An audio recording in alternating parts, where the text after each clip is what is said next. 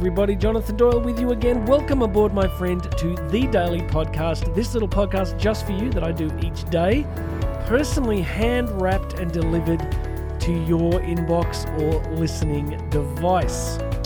Would you make sure you've subscribed for me? Would you hit that big subscribe button? It makes a huge difference. Share this with family and friends. And underneath here, whatever podcast app you're on, you're going to find a whole bunch of links. You can book me to speak at your conference. You can book me for training with your staff or team.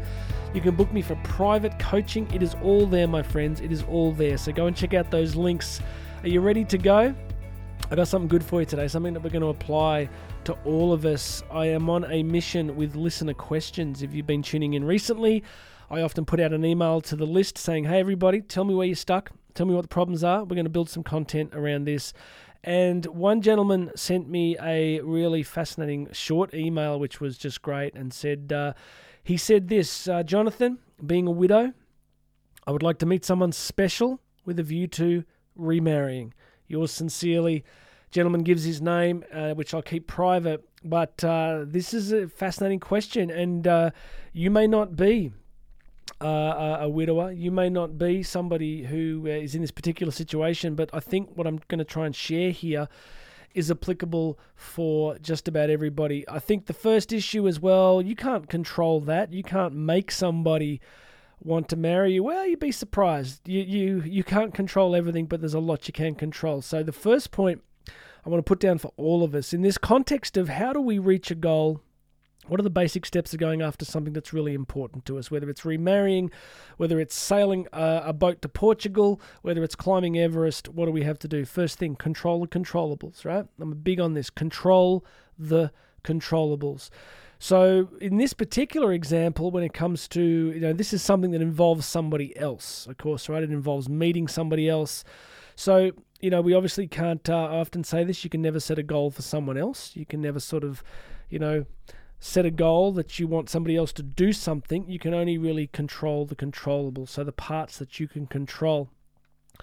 So, this person who wants to remarry, what do you actually do? First thing is to create laser focus. So, we really want to get clear. So, I'm a huge journaler. I would encourage this person to get out a journal. I would say, right, the first thing you got to do is you got to get really clear. And they go, well, I already am clear. I know that I want to get remarried. No, we're going to get clearer than that. We're going to actually take a journal. We're going to honor ourselves and we're going to go deep. We're going to just write and write and write. We're going to write about what it is that we want. We're going to write about why it is that we want it. We, we're going to write about what our life's going to be like if we attain that goal. And we are going to write about what our life could be like if we don't attain that goal. Because human beings, of course, are driven by two dominant forces. It's one of the only things I agree with uh, Sigmund Freud about. It's one of the few things I think he really nailed was the pursuit of pleasure and the avoidance of pain. Humans are going to want to move towards things that are important to them and away from things that they don't want. So, in this example, we've got somebody moving towards the values of connection, intimacy, romance, you know, the, the, the companionship of a relationship. Those things are beautiful human values. What are the away values here? The away values are loneliness, sense of dis- disconnection, dislocation, um, isolation.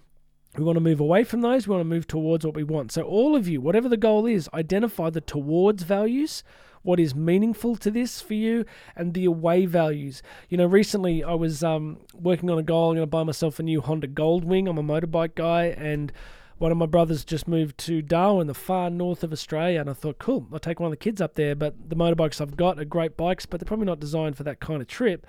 So I thought, cool, I'll um, I'll buy a Goldwing, and I began to do this exact task I'm talking to you about right now. I was like, what am I towards values here? I've got a really strong value of freedom. I love freedom. I love getting away from constraints and issues and and and things that hold me down. So I'm like, I've got this towards value. What's the other towards value? I adore my kids and I want these great memories with them. So whether it's my son or one of my daughters who'll do the trip with me, I'm like, I want connection. I want memories. I, I want love. I want friendship with my kids. So there's these towards values, and then the away values, obviously, a disconnection. And the away values are I don't like the mundane. So we've got to get clear on that. You've got to get leverage on yourself. So to uh, to the gentleman here with this question, you got to get laser focused. The next thing we do is I'd suggest all of us look at limiting beliefs. These are sneaky little things that are buried deep inside us, and they can be anything from I don't deserve love, uh, I'm not worthy, no one will like me, I'm too short, I'm too tall, I'm too fat, I'm too thin, I'm too loud, I'm too quiet. Pick your poison, my friends. Every single one of us has them, from supermodels to presidents to janitors. All of us will have limiting beliefs. So if you want to remarry, you want to look at the limiting beliefs, right? So I can't know what they are for you, but you want to look at the limiting beliefs and you got to get really good on new empowering beliefs. So you might have a belief like, well, uh, it's too old to remarry. And then you've just got to identify that. You've got to own it. You've got to get clear on it. And then you identify what will happen if that if that doesn't change, right? It's really important. What's going to happen if you do not change that view? If you do not change that limiting belief, Where's that going to leave you? So we've got to get leverage on ourselves. What do we want to change? Why must it change? And it must change now. So if you, it took me years to figure this out, but if you don't understand your semi conscious limiting beliefs, you will either not take action or you will self sabotage. So, step one, get razor clear, super clear, crystal clear. I'm to, how many metaphors can I use? Great adjectives, Jonathan. Well done. You want to get super clear on what you're moving towards, what you want to get away from. Then you want to identify your limiting beliefs. And the next thing you want to do is take massive action. Massive action, massive action. I am the evangelist of massive action, my friends. If you could see some of the stuff I've done the last week, some of the things I have taken action on, it is like, wow. Now, let me, this is good. Actually, I'm really loving this episode because it's going to help me help you, all of you. Listen when it comes to taking massive action, you'll probably freeze, and I'll tell you why you might freeze at particular moments. Massive action is completely related to state. What do I mean by state? I mean physiological state. I can promise you that if you are feeling energetic, fit, healthy, alive, pumped, excited, you will do things, you will take actions that you would not otherwise take. I promise you this. I have learned this from the masters and I have lived it myself. Example let's just say you've eaten really badly for a few days, you've done no exercise, you feel a little depressed, and everything's not working, and you, you just had another packet of Tim Tams. My American friends, look it up. You're sitting on the couch, you're not feeling great about yourself, you, your brain's going, Why'd you do that? Why'd you do that again? And you, you're feeling lethargic, feeling sad and then you're like, you know what I need to do right now? I need to. Yeah, Jonathan's right. I really need to take some massive action right now. I need to just, you know, really get out there and take some action. It's not going to happen. It is not going to happen. Tomorrow morning, my friend, I am going to be up at 4 a.m. I'm going to do a bike session first, then I bolt across town to the gym. I go crazy in there, lift heavy. I've got a great coach and people I train with. Uh, then I usually go across. I spend some time at the cathedral here in town, have some time for prayer and um, and I go to mass, which is great. And then I charge home, have a super hot shower, have something really healthy to eat, have another espresso, and then friends. At that point, if you said to me, Jonathan, here is a perfectly good aircraft we need you to jump out of, I would be like, sure, that sounds like a great idea. Let's do this. You would be amazed the actions that I take in a positive physiological state. So I want you all to start taking massive action, but I want you to get yourselves in state first, okay? Whatever that means for you. When do you feel at your best? When do you feel really pumped? When do you feel really alive? Like, is it on the beach? Is it going for a brisk walk, having a hot shower, stretching, moving your body, and then you're ready to act? It is just, and, and all I can tell you after all these years is it seems to me that when you get yourself self in this kind of state, your body your brain, your subconscious wants to help you. I can't think of a decision that I've regretted when I'm in a good physiological state.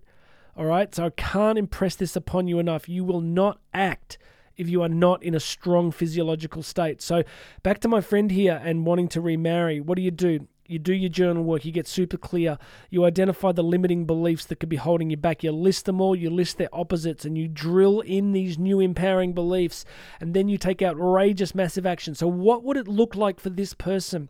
Well, their massive action could be anything. They join a local dance society, they start volunteering somewhere. You have to massively increase your chances of success. You want to marry somebody? Well, guess what? If you sit at home, your chances of marrying are pretty small, so you must take action. Be everywhere. So there's two parts to this. You want to remarry? Be everywhere because you, can't know. You have got to increase your chances. It's interesting. I heard some really weird data on this the other day in terms of you know who you end up with in life. For example, you know half of the planet is either male or female usually, so there's half of the planet you're probably not going to want to marry, give or take, right? And then you live in a particular geographical place, so that rules out probably another 70, 80, 90% of the planet. So it's actually quite interesting when you do the. When I have to find where I read this data, but it ends up a relatively small group of people you could possibly end up being with. So you want to be everywhere. And the other thing, what was the last point? There's a related point here. Oh yeah, I love this one. If you want to remarry, what most people do, so you might be listening to this and you might be single. So it may not be about remarrying, but you might be single and you think, oh gosh, I would just love to be in a relationship here's the trap whether people want to remarry or whether people want to get into a relationship, you know the mistake? Everybody focuses on the potential partner. Everyone goes, Oh gosh, if only I could find someone. If only I could find that person that's out there. Ready? Drum roll. Here is the shift. Do not focus on finding somebody ready. Focus on being somebody. Focus on being somebody. Because it seems to me that if you really focus on becoming the best that you can be. The most gracious, alive, fit, healthy, friendly, joyful person that you can possibly be. I believe that you will attract, if it's meant to be, you will attract into your life the person that you're meant to be with who will just get it. And you journal, you do the limiting beliefs, you work on the massive action state stuff, and then you focus on becoming the best you can become, and then you leave space for grace. Uh huh and and there's a, and there's surrender too. I mean, I, I tell you, like, I was desperate to marry Karen. She wouldn't go out with me for three years. It is a true story. If we ever meet, I will tell you the story. She was terrible. Pray for Karen, everybody. Pray for Karen. But after three years, you know what I did? I finally gave up. Believe it or not, I actually gave up. And the minute I gave up, she changed her mind. We've been happily married for 22 years. So uh, my point being that yes, I did everything that I could, and I also surrendered. So what a beautiful question! Thank you to this gentleman today that's shared that question with me, and um, you know, for all of you, these steps apply. Whatever matters to you: journaling, belief management, massive action in high levels of positive physiological state. Be focused on you becoming the answer and then be everywhere. Take action, take action, take action. So I think I said it, but to this particular person, be everywhere. Just make a decision. You know what? I want to remarry. How am I going to do it? I'm going to be everywhere. I'm going to join every group. I'm going to go everywhere. And I'm going to grow myself and I'm going to trust it's going to work out. That's a longer episode. I've covered a whole bunch of stuff. I hope it's a blessing to you. Everybody, please go and check out the links. Make sure you've subscribed. Book me as your coach. Book me to speak at events, conferences, or to train your team in a corporate or education setting. It is all there. But for now, my name is Jonathan Doyle. This has been the Daily Podcast. I've loved doing this one. I hope it's a blessing to you, everybody. Praying for you guys, and I will have another message for you tomorrow.